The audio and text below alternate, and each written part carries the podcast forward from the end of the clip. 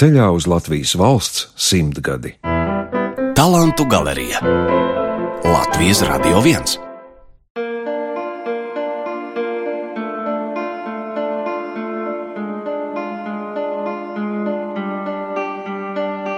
Ir pienācis laiks talantu galerijai, studijā Inte Zēgnere, bet mūsu viesis ir režisors, video mākslinieks un vispār ļoti daudzveidīgi radoša personība Roberts Rubīns. Un mēs satiekamies gandrīz jau vecā un jaunā gada krustcelēs, un man te pirmais tāds vizualizējošais jautājums ir, ja es sacītu jaunais gads, tad kādas ir tavas pirmās vizuālās asociācijas? Nu, pieņemsim, ka es tev gribētu pasūtīt video klipu uz divām minūtēm ar nosaukumu Jaunais gads. Tev droši vien būtu jāsāk domāt. Svarīgi saprast, kāda tam ir koncepcija, kāds tam būs pielietojams, kas to skatīsies, kāda būs mērķa autorija, kur tas būs. Man jāsaprot, ir, kam tu to gribi rādīt. Pieņemsim, ka es esmu ļoti turīga un gribu vienkārši to savam priekam. Man nav nekāda tāda utilitāra vajadzība kaut kur parādīt, kaut kur demonstrēt, arī kaut ko nopelnīt, bet es vienkārši gribu savai sajūtai. Nu, tad es pastītos blociņā un piedāvātu tev kādu kontaktu tālruni, kurš varētu izveidot tavam priekam. to pats nedarītu. Nu, vairāk vai mazāk to prieku es tomēr radu pats sev. Un, protams, mērķa auditorijai privātas vēlmes es neveicu. Tas tā kā neietilpst manā nākotnes plānā. Bet savam priekam tu tomēr radi. Savam priekam, jā, principā katru darbu, ko es daru, tas sākotnējais tas iemesls ir tā, lai man pašam ir interesanti. Nu, labi, bet tagad pakāpsimies mazliet tavā biogrāfijā atpakaļ. Vai. Un tad es minēšu kādu ielu pārdaugavā, pat nekonkretizējot, kāda tā ir. Un atcerēšos tādu mazu puiku, skruļainiem blondiem matiem, kas skraidīja pa dārzu, un tajā brīdī, tā kā es dzīvoju tev kaimiņos un varēju vērot tavas nodarbības, nekas man tā kā neuzrādīja, ka tu būtu imitējis kādu filmēšanu vai turējis rokā iedomātu video kameru, tad kurā brīdī pie tevis atnāca šis tavs lielais prieks? Tā ir īstenībā to filmu, kad attīsta, tad viņa tā lēnām eksponējās un skatoties tādā dziļā pagātnē, patiesībā tas viss jau bija tas brieda, tikai es to neapzinājos, kurā virzienā tas attīstīsies, jo es sapratu, ka kaut kas nav. Jo nu, tā bērnība man bija diezgan grūts posms. Tas grūtākais posms bija tīri skolas laiks. Ziemas, viss rudens, ziemas periods. Skola man joprojām ir tāda sajūta, ka skola bija šausmīgākā, kas ar mani notika. Bet tas nevis dēļ skolotājiem, nevis dēļ klasbiedriem. Vienkārši nu, tā nebija tā mana vide, tā mana vieta, kur veidoties. Un, līdz ar to es biju diezgan noslēgts savā pasaulē. Un, principā, es visu laiku radīju sev izdomātas tēlus, ar kuriem es dzīvoju. Es sarunājos ar luksuforiem, man bija rotaļlietas, kuras pats es izdomāju izdomājis, viņas veidoju, un vasaras bija mana paradīze. Jo vasarās es varēju viens pats, es varēju sēdēt pie upes ar pīcku rokās vai pļavā, un, vismā, un tā bija tāda man tāda fantāzija. Tie trīs mēneši, tas bija brīnišķīgākais katru gadu, ko es ļoti gaidīju, jo tas bija absolūta brīvība, kurā es varēju vēl vairāk izpausties, jo skolas laikā, protams, daudz jādomā paralēli pa mācībām. Nu, jā, un tas lielais sprādziens notika tad, kad es taču vēl mācījos Jālgavā pārtiks tehnologos. ja es tiku galā ar organisko ķīmiju un vēl daudz maz fiziku un rasēšanu, bet kad nāca mehāniskā fizika, kad nāca organiskā ķīmija un vēl kaut kas, tad principā man pienāca tāds uh, ļoti vecs profesors, vietas, ar kuru man nebija īpaši nekāda kontakta pirms tam, tikai tik, cik kaut kāda laboratorijas darba viņam bija jānodod. Un viņš pie manis tā pienāca klāt pēc vienas lekcijas pavasarī un saka, jaunais cilvēks, ko jūs mocaties? Paņemiet akadēmisko. Un jūs izdomāsiet, vai jūs gribat atgriezties šeit vai nē. Un tas bija bez jebkāda iemesla. Viņš redzēja pāri tiem visiem, tur nezinu, cik tur bija 60 cilvēki. Viņš redzēja pāri visiem, viņš ieraudzīja mani. Viņš pienāca pie mums klāt un pateica, ko tu mocies. Un es paņēmu akadēmisko, un vasarā es nonācu pagaidu darba vietā Latvijas televīzijā uz administratoriem, mūzikas redakcijā. Viss jau ļoti sakrita ļoti labi, jo pirms tam es biju mācījies muziķenē, un es nonācu montāžā, ieraudzīju tos monitorus, ieraudzīju, kā tā bilde tiek kustināta, tiek montēta, kā viss tiek filmēts. Un, principā, tajā vienā dienā, konkrēti tie bija trešie maģi, kuros es nopirku, kad es to visu ieraudzīju, tad, principā, man uzreiz bija viss skaidrs. Tad, respektīvi, tas, kas bija kā, nu, sarūdzis, sagatavots, tas bija jāsāk tālāk jau pielietot. Tas nozīmē, ka televīzija bija arī tava pirmā augstskola. Tad sanāk gan vai tā, vai tava pirmā profesionālā izglītība. Tieši tas praktiskais mm, darbs. Ja mēs praktiski runājam, tad principā televīzijas sadarbībā ar Kultūras akadēmiju nodibināja sākumā tādu TV režisoru kursu. Uh, un tad paralēli es gan strādāju, gan paralēli arī mācījos kultūras akadēmijā. Bija liels pārtraukums, bet nu, beigās pabeidzu. Bet es ar lielu prieku joprojām atceros raidījumu Dūlais Digis. Kaut gan es nebūtu nebiju pusaudze tajā laikā, bet man ļoti patika šis tēls un viņa veiktie eksperimenti un neveiksmes un viss, kas patiesībā nebija tik pareizi, cik pieklātos būt pareizi, lai izglītotu jauniešus. Un tieši tas bija tas labākais. Jā, nu es tad pārlecam uzreiz par tādiem vairākiem gadiem uz priekšu, kad es nonācu Hansa medijā. Jau pirms tam es biju saticis savu draugu Mikru Romanovski. Mums bija baigie tādi sapņi, un mēs tādi ideālisti. Mēs rakstījām daudz dažādu scenāriju. Mēs gribējām rakstīt, bērniem filmas, bērniem seriālus, un mēs diezgan daudz, dažkārt naktīm sēdējām, rakstījām, gudrojām. Mums arī bija kaut kādi mēģinājumi, pat kaut ko mums televīzija ļāva tur nofilmēt. Nu, labāk to droši vien nevaram neredzēt. -hmm. Bet, nu, nu, un tajā meklī nāca šis te, kas tas ir skaitās konkurss vai pieteikums, kur vajadzēja piedalīties. Mēs izstrādājām, izdomājām šo formulu jo Mikam tēvs bija kādreizējs matemātikas un fizikas profesors. Un viņam, viņa darbistabā bija grāmatu plaukta, kas bija visi nokrāmēti ar bērnu rotaļlietām, tādām, kurām ir kaut kāds apakšā, kāds fizikas skaidrojums. Un tas, kā šis profesors veicināja studentus apgūt matemātiku, fiziku. Viņš sākumā parādīja, pieņemsim šo rotaļlietu, kas viņu notiek, un tad tas ir iemesls, kā sākt pasniegt šo lekciju, kāda fizikas eh, likuma darbojās, un tad jau tālāk jau nonākt līdz tām formulām. Principā mēs paņēmām šo pašu veidu, kādā veidā mums vajadzētu stāstīt bērniem. Jā, mums tur bija fizika, ķīmija, kas mums vēl bija. Viss, ko tev ne īpaši patika mācīties pārtiks tehnologos. Nu, te ir atkal tas pats, ko mēs pašā sākumā stāstu priekš sevis daudz ko. Un līdz ar to mēs veidojam šos te rēdījumus, un es galvenokārt veidoju to dulo didzi no tāda aspekta, kā es gribētu saprast to visu. Galvenais jau ir, ka mēs nevis taisījām kādai privātai kolekcijai, ja?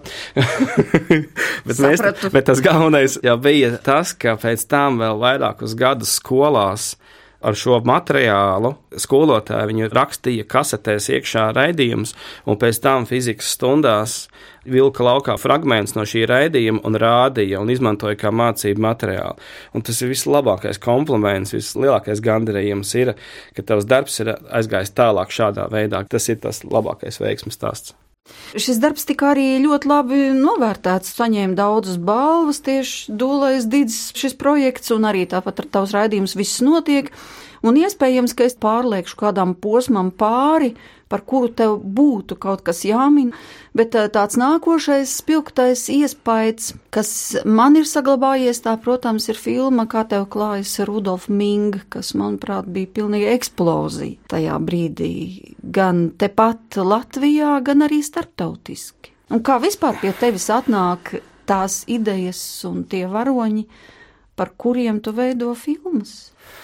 Viņš dzīvo, man liekas, pareizi tukums. Jo... Saki, pie manis atnākt. Uh, notikumi, kurus es rādu pie manis, tiešām paši atnāk, un tad tālāk, ja es viņus paņemu, tad es viņus attīstu un veidoju.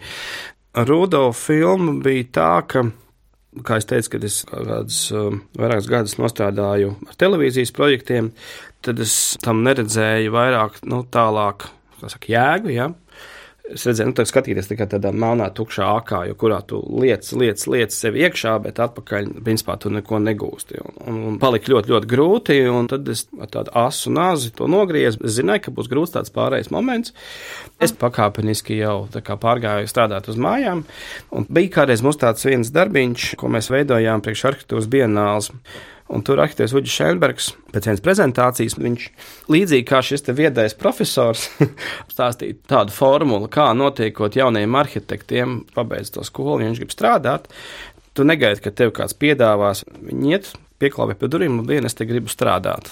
Nu, Sākumā viņš strādā tikai tur papīrs, pienāsā, pēc tam viņam sāk maksāt, un viņš apgūst to virtuvi, un viņš beigās nokļūst tajā mērķī, ko viņš bija vēlējies. Un es tieši tāpat darīju. Es pēc televīzijas gāju pie producentiem, pie koncertu organizatoriem, un labdien, es esmu gatavs taisīt koncertu, es esmu gatavs taisīt video priekš koncertiem, esmu gatavs, es gribu. Un tajā mirklī, kad izrāda iniciatīvu, tad, protams, agrāk vēl tev šādi darbi visādi notiekās. Un uh, tas pats bija attiecībā arī uz filmām. Pirms tam mēs ar Kristu Averu kopā izveidojām, mums bija divas filmas. Viena bija tāda par Helēnu Tangījevu biznieci, un otrs bija par Annu Priedi. Un tajā filmu laukā es ļoti droši gribēju iesoļot, braukāju arī par dažādiem festivāliem par savu naudu skatīties. Man bija, protams, sava ideāla, man bija sava redzējuma, kādām filmām ir jābūt, un tāds jaunības maksimālisms.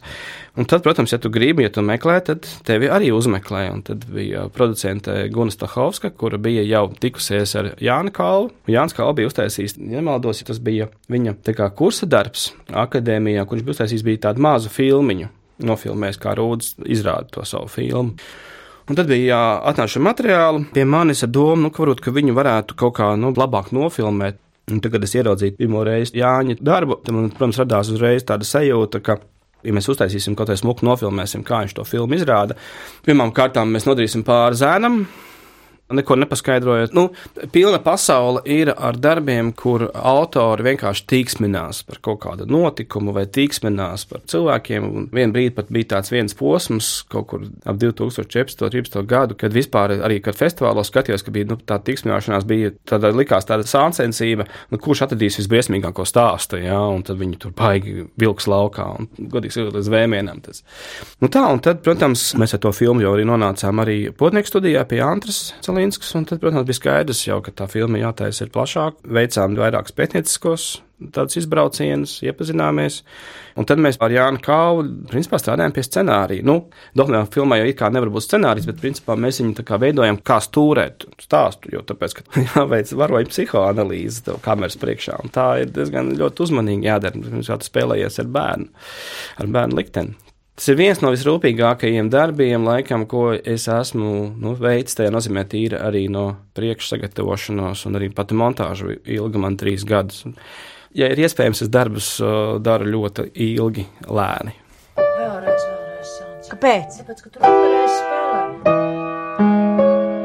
Nu, ne, nu nežāksties, nu tur taču. Bet es nežākstu! Vajadzētu uztaisīt. Atceries, tev runāja par to filmu Simpsons. Simpsons. Ap mēs varam sarunāt. Es jau varu jums taisīt, ja vajag. Sākumiņš tāds. Filmā parādās nevis titri, bet Icon Productions 20th Century Fox.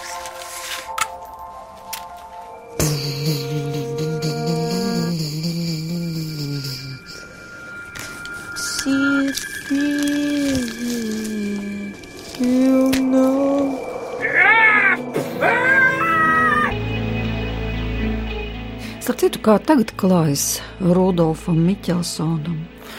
Viņš, protams, arī bija izveidojis savu filmu, un tu viņam arī palīdzēji, cik es saprotu, pie šīs filmas tapšanas. Nu, es esmu palīdzējis tik, cik vienreiz es viņam palīdzēju montāžā. Pieteicos par montāžas režisoru. Kopš tā laika viņš man nekad vairs nav aicinājis par montāžas režisoru. Tāda putnieka studija viņam palīdzēja realizēt vienu filmu, tad nozīmē organizēt filmēšanas lietas. Un mēs, nu, ik pa brīdim, varbūt reizi vai divreiz, dažkārt trīsreiz gadā, varbūt satiekamies un, un izrunājamies. Bet tagad, es godīgi sakot, dēļ saviem lieliem darbiem, simtgadus darbiem, neesmu viņu sazinājis, tāpēc tagad nemācīšu atbildēt, nu, cik viņš tālu ticis. Tu tikko minēji par saviem lielajiem simtgadus darbiem. Nu, tomēr parunāsim arī par šo tavu darbības lauku. Mums pat ar tevi bija tā, ka mēs ļoti ilgstoši gatavojāmies šai sarunai, jo tu visu laiku atliki un atliki un teici, kamēr nebūs deju lielizrāde abas malas parādīta. Novembrī tikmēr tu vispār nekādā sarunās nevēlies ielaisties, jo tu negribi neko runāt pirms, un vēl jau vairāk par sevi. Nu, tagad tas jau viss ir noticis. Nu, tad, ko tu vari sacīt par šo gadu savā dzīvēm? Jā, es nevaru atbildēt uz šo jautājumu. Tu neesi vienīgā, kas man prasa. Bet es varu Nezinu. dot tev ievirzi. Nu, varbūt viens no tādiem stūrakmeņiem, manuprāt, ir zemgājas gredzens. Noteikti. Tas bija ļoti liels projekts ar pietiekoši sarežģītu māksliniecisko valodu, kur bija jāapvieno tik daudzi elementi vienopus, bet lai tas arī emocionāli patiesi strādātu, un tu biji režisors, un tas tiešām izdevās. Zemgājas gredzens man ir ļoti īpašs un ļoti personisks darbs, jo tajā ir realizētas ļoti sen lolotas idejas. Tas, kādu es redzu uzvedumu, kādus vienmēr esmu gribējis veidot. Neslēpšu, ka sākotnēji man bija doma šādā līdzīgā veidā veidot baleta izrādi. Man bija tāda iedoma, ka es um, veidošu viņu kopā ar Aleksēju Večkinu, Bet tad es nejūtos tāds uh, nobriedis tam. Viņš domāja, bija šī nogaidījuši, bet nu, notika, kā tas notiek. Zemgals gredzens nebūtu arī iespējams bez Ines Zanders un bez Sigvārda Kļavas. Un šī kopīgā sadarbība bija šī te gredzena arī veiksmes stāsts, tīri sadarbība. Ja tu man prasi arī vispār par to simtgadus, to sajūtu, ir tā, ka pēc tā rezultāta ir tāds mazliet, nu, tā kā tāds nezinu, saprast, tukšums, vakums, ir liekas, ka kaut kas pietrūkst. Un, zini, kas pietrūkst? Pietrūkst tā darba. Jo tas process, kad tu strādā, tas ir tas lielākais gandarījums, ir tas darbs, kā viņš top, kā tu viņu rādi. Tad, kad viņu uzliec, jau pēc pirmā ģenerāla mēģinājuma, tev beidzās viss. Tu, principā, vairs negribi uz viņu skatīties. Nu, nu, nav tā, gluži man dejotāji apvainotos, jā. Bet, principā, tajā meklē viss. Nu, to es izdarīju. Ja tas galvenais ir tas lielākais notikums un tā lielākā gandarījuma, tas no kā tu gūsti adrenalīnu un iedvesmu un, un mācies, un ir tieši tas darba process. Zemgals gadzinā sākot ar to, ka Inês rakstīja scenāriju, Tad ļoti daudz tikšanās ar Sigvārdu, ideja apmaiņa, visādi eksperimenti, un pēc tam filmēšanas process. Tas vispār es jūtos kā zivs ūdenī, un beidzot es atkal tieku pie filmēšanas, kas nav regulāra lieta. Ja? Un uh, nolasot tiešām perfektu komandu, ar kuru man tiešām nu, strādāju, un uh, saprotamies no pusvārda, kas man ir ārkārtīgi ļoti būtiski. Ja? Un tad es varu norakties montāžā, tad es varu piesaistīt animators un viņiem strādāt kopā. Tas process, un tad ir, protams, ir choreogrāfi, dejotāji, ar viņiem vēl kopā strādāt un viņiem stāstīt. Es neesmu choreogrāfs, bet es viņiem stāstu idejas un domas un raksturoju, kā es redzu to deju un ar saviem vārdiem, un tad viņi mēģina viņus tā kā tālāk nu, improvizē vai replicē nu, no savas puses, mēs nonākam pie šīm kustībām. Tas radošais process ir tas, kurš rada to lielāko gandarījumu. Ir. Un, ja viņš nav samocīts, un viņš ir viegls, un viņš ir attīstošs, tas ir tas, kas uztur no nu, pēdiņās pie dzīvības. Tas ir tas, kas rada šo emocionālo. Tad, kad tu noskaties jau pirmo ģenerālu mēģinājumu, principā, nu, liekas, ka tas pieliec tam jau punktu. Un tu jau, principā, es jau tajā mirklī, jau pēc sākuma no ģenerāla mēģinājuma, es jau sāku jau domāt par citiem darbiem, par citām idejām, kas man attīstās. Dēļ neapvienojās dejotāji, tā nav, ka es viņiem nesakoju līdzi, pirms skatos, pēc tam mēs strādājam tam līdzīgi līdzīgi. Bet noteikti paralēls. Un ar uh, abām malām arī ļoti līdzīgi tas process, kas notikās, ko mēs kopā ar otru režisoru Jurju Jonelu strādājām un ar choreogrāfiem un visu laiku. Tas viss tas process, pirms tā ģenerāla mēģinājuma, viņš ir tāds, nu, saspringts, tāds karsts dzelzes, kur tu vēl kalu un loki un veido tos slīpēviņus un viss. Un tagad notiek pirms ģenerāla mēģinājums, un tu redz, ka visi atslābst, un tu pats arī saproti, ka tu jau domā tālāk, jau citas domas, citas idejas un viss. Un līdz ar to, tad, kad notiek jau pirmizrādes, notiek izrādes, te ir tāda svētki, kā nu, valsts svētki vai dzimšanas diena. Nu, tas tāds nu, momentiņš ir. Bet tā taču ir ļoti patīkama sajūta, ka tu vari piedalīties šādās dzimšanas dienas svinībās, kuras vēl piedevām tu pats esi gatavojis. Nu, vajadzētu būt tādai sajūtai. Jā. Es tagad droši vien izklausīšos eh, radio, ka es koķetēju, bet es nemāku noķert. Es nemāku. Tā neizklausījās. Es ne, nekad neesmu varējis noķert gandarījumu. Tādu. Nu, viņš ir vai nu turās tur divas minūtes, dažkārt desmit minūtes. Viņš turās. Nu, viņš dažkārt iztur dienu. Nu, ir kādreiz, kas turās bišķiņi ilgāk. Es nezinu, kāpēc, bet pieliekās punkts. Un ir citas domas, ir nākamās domas, un es pat dažkārt pat vairs neskatos uz tiem izdarītiem darbiem ļoti bieži. Nevis tāpēc, ka viņi man nepatiktu, bet kaut kas man biedē, kad es, ja es par daudz kavē, jā, kavējos kaut kādā savā darbā. Es gribu iet uz priekšu. Viņš ir izdarīts, es eju uz nākamo, es domāju par nākamo, jo katrs darbs, kā lai pasakam. Katrs darbs rada impulsu nākošajam. Jā, jā, tieši tā.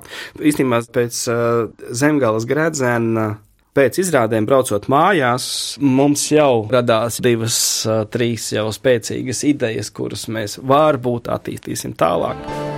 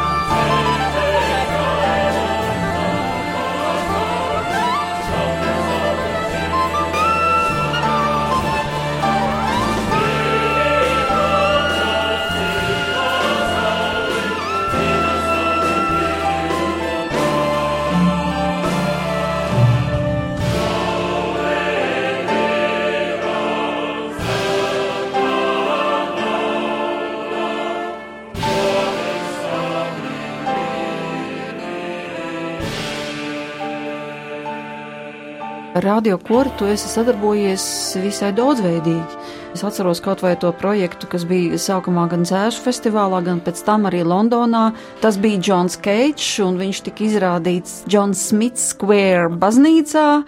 Keits un laiks saucās tas projekts, un, godīgi sakot, tā kā es redzēju arī mēģinājumu procesu, kā tas notiek, ka visam ir jābūt sinhroni un kā izskatās dators. Vizuāli, ar ko tas ir aizpildīts, man liekas, ka tā jau ir gandrīz augstākā matemātika, lai tas viss sinhroni darbotos kopā. Mm -hmm. Kā tad ir ar tām eksaktajām zinībām? Izrādās, ka laikam tomēr tev ir uz tām spējas. Es esmu nācis, nu, es atļaušos teikt, vairāk no kinovīdes. Līdz ar to es katru darbu skatos, kā tas būtu, ja tā būtu filma. Vienalga, tur spēļu filma, vai koncertu filma, vai baleta filma. Vienalga. Es skatos viņu kā caur kadriem. Tas nozīmē, es skatos uzreiz uz to kadru, kā caur gleznu, caur fotokompozīciju, un tad es nonāku pie šīs domas kompozīcija. Un kompozīcija ietver ne tikai kā izkārtots ir tas kadrējums, bet kompozīcija man ietverās uzreiz kāds iet kopā ar skaņu. Kompozīcija man, es uzreiz to saprotu, kā tas izskatās, ja tur ir, pieņemsim, divi vai trīs vai četri ekrāni. Kompozīcija, kāds izstāsta kopā ar orķestri kompozīciju, un tā tālāk, un tā tālāk. Es to visu mēģinu sākumā ieraudzīt kā vienu veselumu. Un tad es jau domāju par to, tehnoloģiski kā tas izpildās. Piemēram, man bija izstāde, ko mēs veidojām Kristīnai Luīzai Avotiņai. Sapņu upe. Sapņu upe. Nu, tas bija pasūtījums. Sandrs Janāns, kas bija iedvesmojusies no citas izstādes, viņa gribēja kaut ko ļoti līdzīgu un jaudīgu Latvijā atvest, kas ir tiešām superīgi un apsveicami, ko viņi darīja par savu finansējumu. Un arī, nu, principā, tur bija uzstādījums ļoti daudziem ekrāniem, un tur bija deviņi ekrāni. Un tas nenozīmē, ka tie deviņi ekrāni ir haotiski, katrs rāda savu bildi ir konkrēts skatu punkts, kas veido visu šo kopīgo kompozīciju, un tad es darbojos principā vienlaikus ar deviņiem ekrāniem, bet es visu laiku redzu priekšā vienu to attēlu. Arī Džons Keits principā sastāv tikai no četriem ekrāniem. Bet es uz to visu skatījos tajā laikā, nu, protams, kā viena vesela kompozīcija, un tie četri ekrāni man ir kā viens ekrāns. Katram tam darbam, ko es veidoju, es izvēlos kaut kādu savu tehnoloģiju, bet es cenšos arī neieciklēties, ka, pieņemsim, nu, tas ir kaut kāds mans pašmērķīgs, tagad pamēģināt šādu vai tādu vai tādu variantu. Tas ir instruments. Es domāju, ka tie, kas bija vai nu Cēsīs vai Londonā, vai arī tie, kuri bija mākslas telpā un skatīja šo sapņu upi, labi ļoti sapratīs, ko nozīmē tie daudzie ekrāni, kas veido vienu tēlu. Tāpat tev liela komplimenti arī ir par zirgu pastu, par starpstāvokli, kur arī tu izmantoji šo daudzo ekrānu principu, piepildot telpu. Bet tagad mēs varētu pievērsties arī dabai. Un tas gluži nebūs par makšķeri pie upes, bet par tavu saistību ar dabas koncertu zāli. Jā, vairāk gadu garumā. Ingu Sulmans man aicināja viņu kopā veidot brīnumskapi. Beigās tajā pašā dienā jau principā mēs pieņemam lēmumu, ka es piedalos pie dabas koncerta zāles. nu, tā sanāca, jā. Vienkārši mums bija vārds pa vārdām, viņš man uzreiz aizveda uz mežu un parādīja, kur viņš plāno darīt dabas koncertā nākamo. Apmainījāmies pāris idejām, un pirmais gads bija ķērpju gads, rakstu ķērpes, ko mēs veidojām. Nu, bet labi, tagad tu ierodies savā studijā, nezinu, apsēdies pie pults un sāc domāt, ķērpes, ķērpes, ko lai dara ar to ķērpi. Kā lai viņu tagad padara par galveno varoni? Nu, tā tas nenotiek. Bet kā tad? Tu staigā pa mežu, tu pēti, o, oh, šis ķerpīts izskatās atšķirīgi no tā darbam, ķerpīša. Katram darbam ir ilgie priekšdarbi, jo, lai radītu tālāk, tu jājūtās komfortabli ar to materiālu. Un komforts tad radās, nu, ja tu par viņu daudz maz zini, tu viņas apguvis, un, principā, komforts ir tad, ka tu jau ir redzējums, kā viņu pasniegt. Bet dabas konceptuāli, principā, viņa nav iespējama bez zinātnieku klātbūtnes. Mēs viņu veidojam kopā ar, ar zinātniekiem. Līdz ar to katru gadu ir kāds cits varonis, cita tēma, un tad ir arī attiecīgi ir konkrēts zinātnieks, kur mēs tiekamies, un tad mēs to materiālu padziļināti izpētam. Tad jau tālāk veidojās šī muzikāla interpretācija un šī vizuālā, skatuviskā interpretācija. Un tad notikums var sākties. Un tad arī var sēsties jau pie montāžas, pie kameras, un pie mikroskopiem un veidot jau tālāk jau šo notikumu. Un tad sāk izgaismoties smilgas un iemirdzēties jāņa tārpiņi, un pēkšņi tā daba atdzīvojas vēl neredzētās krāsās. Nu tā nu, taču ir. Principā tas ir kaut kas līdzīgs kā dūlais dīdzes, tikai citādā veidolā un uh, vairāk ir paredzēts plašākai auditorijai, tikai bērniem.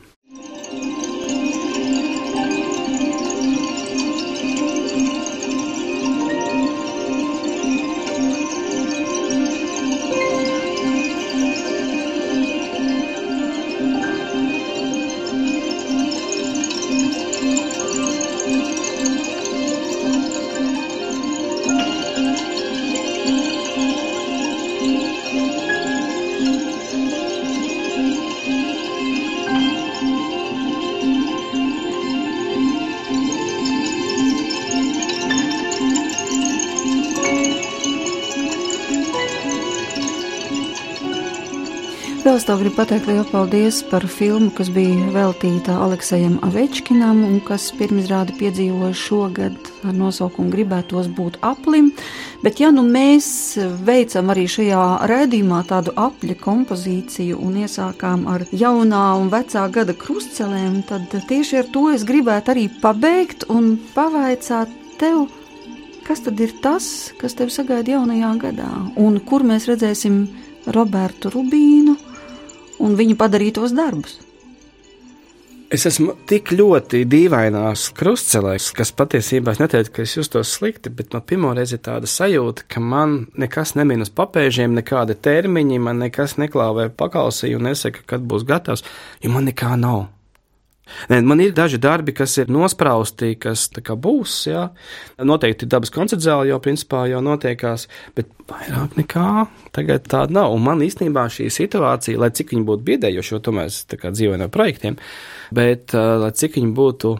Varbūt neviens būtu biedējošs, es gūtu no viņas kaut kādu zināmu baudu. Ja man tāda lieta, ka man tagad ir uzklāts baltais galdots priekšā, un es tagad varu sākt kā, nu, no jaunas lapas. Ja.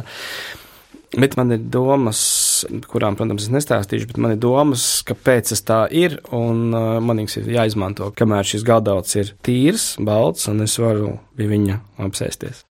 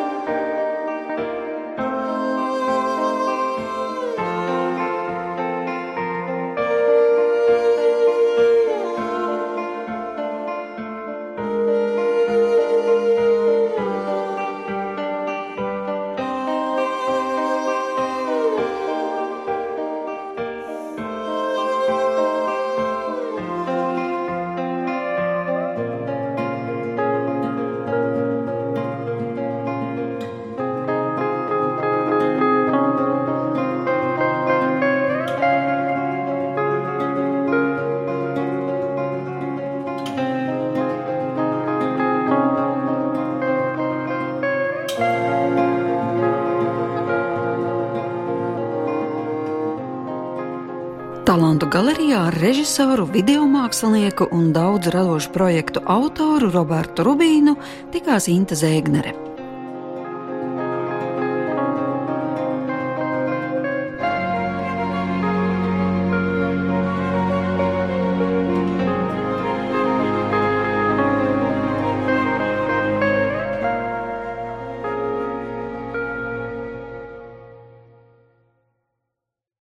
Izskanēja Latvijas valsts simtgades programmas raidījums.